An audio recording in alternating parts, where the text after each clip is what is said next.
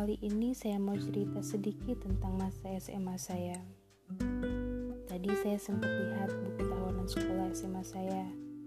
Rasanya campur aduk loh. Ada rasa senang, rindu, sedih. Masa SMA itu menurut saya identik dengan hal yang nano-nano. Tapi seru juga loh mulai dari kisah cinta, belajar, ngejar mimpi, dan lain-lain.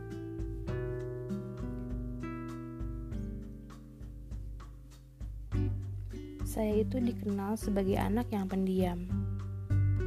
Dari saat saya masuk sampai saya lulus, bahkan saya kalau dilihat secara langsung, saya hanya punya satu orang teman perempuan teman perempuan saya ini udah kenal saya sejak SD. Jadi kita bisa akrab. Kita berdua ke mana-mana selalu berdua. Mulai dari duduk, makan, jalan, dan itu terjadi dari kelas 1 sampai kelas 3 SMA.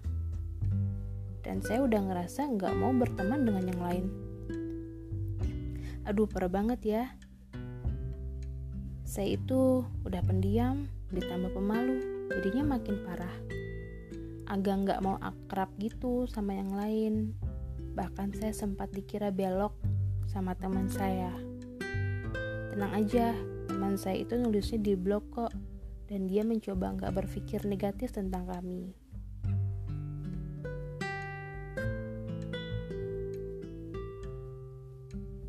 Saya mengakui kekurangan saya yang satu ini bagi saya, mengakrabkan diri dengan orang lain itu sulit.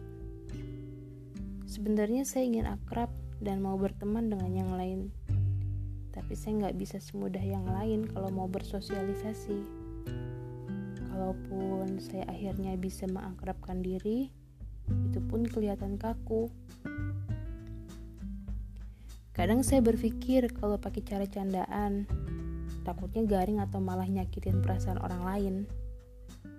Makanya, saya lebih memilih diam daripada pasif.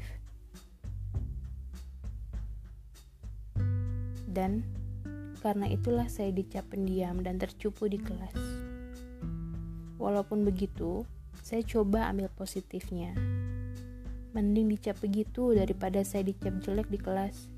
Makanya, saat lulus SMA dan mau kuliah, sebenarnya saya bertekad mau berubah biar nggak pendiam lagi tapi lagi-lagi, merubah sifat alami itu nggak mudah loh. Sekarang ini saya sudah mulai terbuka sedikit dan memiliki banyak teman. Tapi tetap, sifat pendiam saya masih melekat. Tapi sekarang masalahnya, saat saya mencoba mengakrabkan diri dengan teman-teman SMA rasanya susah.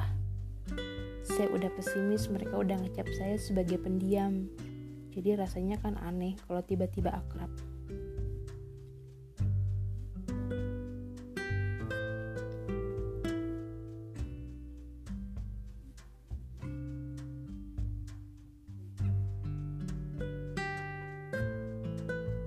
Udah, sekian tulisan curhat singkat saya. Saya sebenarnya bingung mau ngungkapin unek-unek ini gimana mau cerita di sosmed banyak yang udah tahu. Nanti ketahuan dong kalau di curhatan saya. Jadi saya curhat di sini aja.